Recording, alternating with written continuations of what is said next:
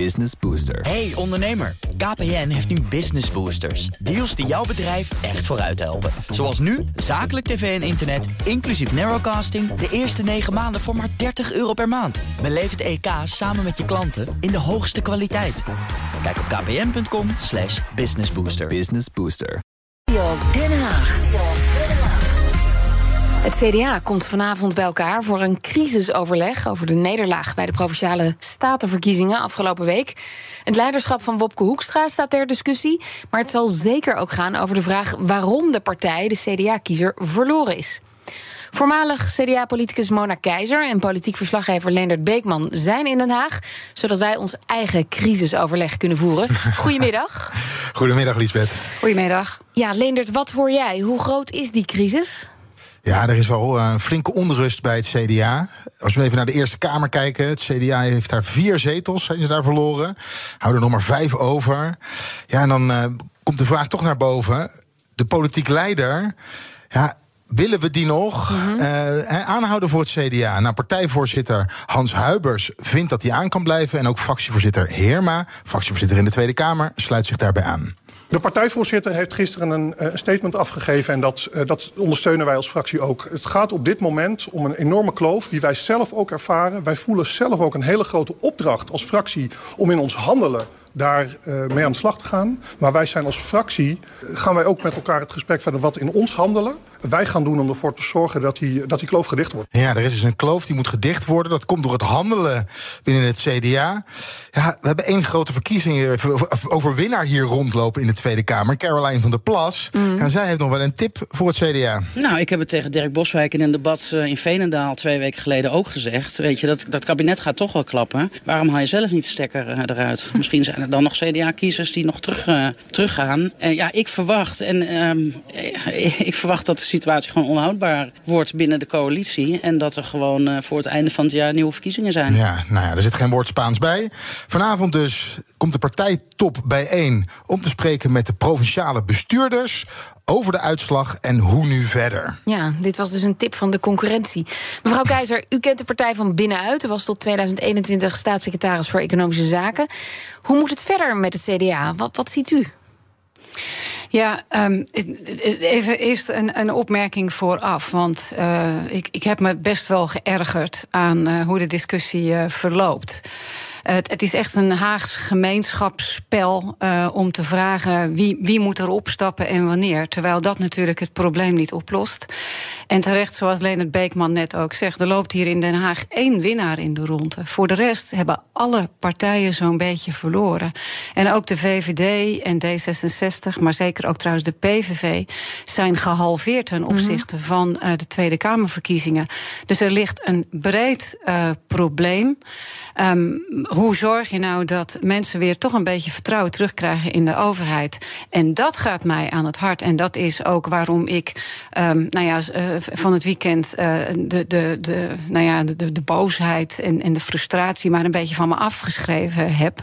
In een uh, blog die ik op mijn site gezet heb, waarin staat waar volgens mij het probleem uh, door komt. En daar is niet één oplossing en, voor. En waar het ligt komt echt dat verschillende vlakken door?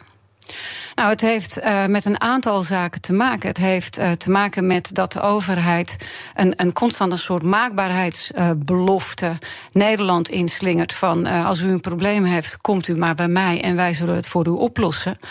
Um, nou, dat, dat lukt zo langzamerhand niet meer. Daar zijn natuurlijk de hersteloperatie Groningen en de toeslagenaffaire de schandvlekken van. Maar het heeft er ook toe geleid dat, dat ja, die, die burger die, die heeft een beetje het idee gekregen van nou, ik ben dus blijkbaar klant van de overheid en ik betaal daarvoor. En als ik niet geleverd krijg wat ik besteld heb, dan ben ik terecht boos. Nou, dat is een van de redenen wat, wat een probleem is. Een ander probleem is dat zo langzamerhand politiek en het beleid wat daar daaruit voortkomt, dat, dat is een soort modellenpolitiek geworden. Uh, dus je vraagt iets aan de overheid. Uh, de, de overheid voert iets in in een computer. Computer says no. En u krijgt niet wat u vindt wat belangrijk is. Nou, zeker ook het stikstofbeleid is daar een voorbeeld van. En uh, vergeet alsjeblieft niet, um, de, dat wordt door sommige mensen ontkend. Maar de manier, en, en woke, hè, zoals dat dan uh, tegenwoordig genoemd is, is daar een uitingsvorm van. Maar, maar waarbij, nu, nu noemt u en stikstof en, en uh, het is de cultuur precies, van woke. Is, maar, maar is dat waarom de gemiddelde CDA-stemmer, want die kent u, die heeft u jarenlang ontmoet in zaaltjes en op straat, de partij de rug hebben toegekeerd? Dat is een van de redenen waarom alle grote middenpartijen, waaronder ook het CDA, vergis je niet, um, zo langzamerhand um, steeds kleiner worden, uh, halveren. En als dit niet op een andere manier uh, vormgegeven gaat worden in de toekomst, nou, dan is hier nog geen eind aan. En een van de andere, en dat vind ik echt van belang van te zeggen, het, het gaat mij aan het hart, omdat ik uh, gewoon nog steeds lid ben van het CDA. Maar het is niet, want dat zie je ook in allerlei commentaren terug, omdat het erg is als de BBB wint. Laten we toch wel wezen. Democratie is ook democratie als de uitkomst je niet bevalt. En waarom zou BBB het niet kunnen? D66 ja, nou, is 50 jaar niet, geleden. Ter discussie hoor. Nee, maar je, je, vraagt aan mij wat, hoe ik ernaar kijk. nou, waarom die CDA-stemmer de partijen de rug heeft toegekeerd? Nou, dat heeft precies te maken met wat ik nu vertel. Dat heeft met een aantal van dit soort onderwerpen te maken. Ja. En het CDA is dan blijkbaar niet in staat geweest om alle fantastische plannen en, en visies en oplossingen die ze in huis hebben over de bühne te brengen. Ja, het is niet alleen het CDA, er lopen hier heel veel verliezers rond, die allemaal zich afvragen. Dus ook bij de VVD, ook bij D66. Wat hebben wij verkeerd gedaan? Sofie Hermans eh, vertelt ook: hè, we hebben een signaal vanuit de samenleving niet gehoord. En we moeten kijken hoe we die mensen er weer bij betrekken. Dat ze niet het gevoel hebben dat wij tegenover ze staan. Precies zoals u eigenlijk uh, verwoordt. Maar wat nou zo bijzonder is aan de campagne van het CDA... is dat het CDA wel heeft geprobeerd om bij de Provinciale Statenverkiezingen... ook met een heel dik pamflet van Heerma, de fractievoorzitter... voor mhm. heel Nederland om de kiezer er weer bij te betrekken. Ja, minder ik, meer nou, wij, toch? Was de ja, slogan. Maar dat is dan dat is het enige wat bij mensen blijft hangen. Maar het was echt een lijvig werk waarbij ze zeggen: we zijn de, de band met de regio zijn we verloren. We moeten zorgen dat we weer naar mensen luisteren, dat we er voor elkaar zijn, dat het niet alleen maar om het individu draait, dat de overheid er voor mensen gaat zijn. Precies dit verhaal. Maar, maar Leendert, toch slaat dat verhaal niet aan. Ja, maar, maar Leendert, dit zeggen andere partijen ook. BBB zegt dit ook. Was uh, de ja, boodschap van het CDA Kees, wel duidelijk genoeg? Het, Wie stem is dit? Ja, dit is Kees. Kees dus, uh, ik presenteer ook het programma hoor. Tijdens, we, hebben nu, we, hebben het nu, over de campagne. En de VVD heeft tijdens de campagne een campagne gevoerd met... we gaan tegen de linkse wolk in. De zogenoemde linkse wolk ging weer tegen de VVD in. Als je gewoon op partij, als je gewoon bij de partijen gaat kijken... Mm. welke partij heeft nou... Uh, inhoudelijk gezien tijdens de campagne uh, het meest geprobeerd om de kiezer aan te spreken. Juist op het, het gevoel dat ze uh, dat ze er niet meer bij horen. Ja. En op verbinding, dan is het het CDA geweest. En toch slaat dat verhaal niet aan. Nee, dat klopt. En Kees, excuses. Ik had uh, begrepen dat Lisbeth er was, maar jij uh, niet. Kees is er gewoon. ik ben er ook dag ja, maar dat is niet excuus, excuus, maakt niet uit. maar dat, dat is. weet je, de, de, reden waarom ik nog steeds lid ben van het CDA is omdat de verhalen kloppen en de analyses kloppen. Alleen ze zijn wat laat in de tijd gekomen. Maar als jij naar dat, dat lijvige stuk kijkt, dat gaat over de kloof. en die kloof is echt niet alleen tussen stad en platteland. Die zit hem ook binnen steden. Het feit dat in de grote steden tussen Amsterdam geloof ik 3% en Den Haag of Rotterdam 10% heeft BBB gestemd.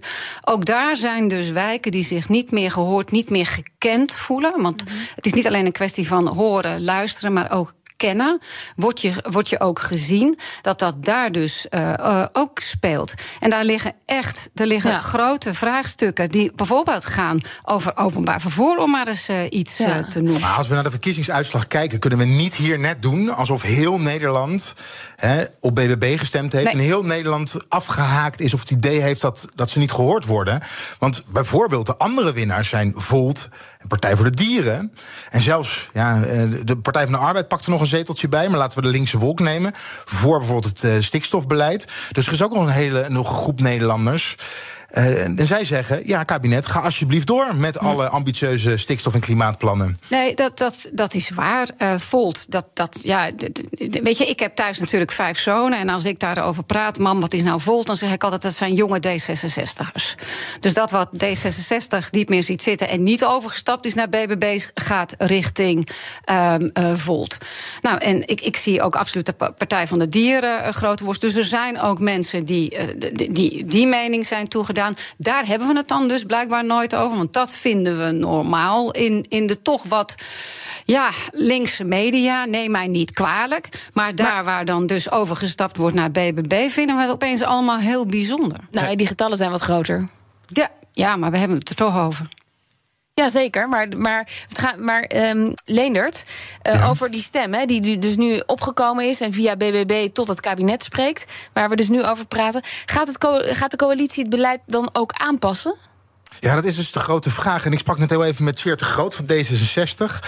Er ligt een stikstofwet ligt ervoor. Er staat in die wet, we willen naar 2030 toe. Want het, staat nu, het is nu nog 2035. En bij D66 zeggen ze gewoon, ja, dat willen we nog steeds. Mm. kortom, we houden vast aan onze verkiezingsbeloften. En we gaan niet, naar aanleiding van het stemrissel... wat we nu in de verkiezingen hebben gezien... gaan we ons beleid aanpassen. Ja, en bij de VVD bijvoorbeeld... Ja, daar heb je minister Van der Wal vandaag al een klein beetje... van ja, we moeten iets, hè, een klein beetje opgeschoven... we moeten iets met deze, met deze uitslag. Uh, maar ook Sofie Hermans, de fractievoorzitter van de VVD... zegt, ja, je hebt afspraken met elkaar, daar hou je je aan. Totdat je zegt, we gaan het openbreken en we maken nieuwe afspraken. Dus ook daar zie ik een beweging. En uiteraard ook bij het CDA, want Hoekstra heeft het ook al laten horen. Daar zie ik een beweging. Maar D66, tot nog toe zit D66 in, uh, aan de kant. Wij houden ons uh, poot stijf. En we houden ons aan afspraken zoals we het gemaakt hebben. En met de ChristenUnie zijn ze nog opvallend stil. Mevrouw Keizer, um, nog heel even over de mensen die zich niet gehoord voelen of denken: ja, er worden alleen maar modellen op ons, uh, over ons uitgestrooid. En het gaat niet meer over wat wij vinden en hoe wij er naar kijken. Tegelijkertijd, Johan Remkes heeft de hele zomer eh, gepraat in allerlei formaties. En nu wordt er weer met alle stakeholders gesproken over een landbouwakkoord. Ja, dat is toch ook wel luisteren met betrokken partijen? Ja, en, en dat is uh, hoe, hoe het natuurlijk vanuit Den Haag gaat. Dan zit je aan tafels met allemaal de vertegenwoordigers van de betreffende belangenorganisatie. Maar het, het gesprek, wat is nou natuur? Um, Welke uh, delen vinden we daar zo bijzonder van dat wij bijvoorbeeld een agrarisch uh, bedrijf willen opofferen? past dat ook in die gemeenschap? Die, dat, dat brede gesprek wordt niet gevoerd. Maar is dat dan niet bij Remkes gevoerd? Want iedereen was blij, of althans nou, blijkbaar Iedereen niet. tevreden met het rapport. Ja, de vertegenwoordigers uh, van de organisaties die daar aan tafel gezeten hebben, wel. Maar dan zit daar, zitten daar gewoon echte mensen, ja. boeren, bedrijven achter, soms al decennia op een bepaalde plek in een gemeenschap, die nog steeds zichzelf afvragen: ja, maar waarom heeft dit nou deze Maar de provinciebesturen gaan dit nu toch doen? Ja, daarvoor, hebben we, daarvoor zijn we naar de stembus gegaan. Klopt, die gaan dat doen. En, um, ja, dan, en dan, kijk, ik heb natuurlijk in de Haagse politiek gezeten. En als ik dan kijk hoe die discussie eh, op het Haagse niveau gaat.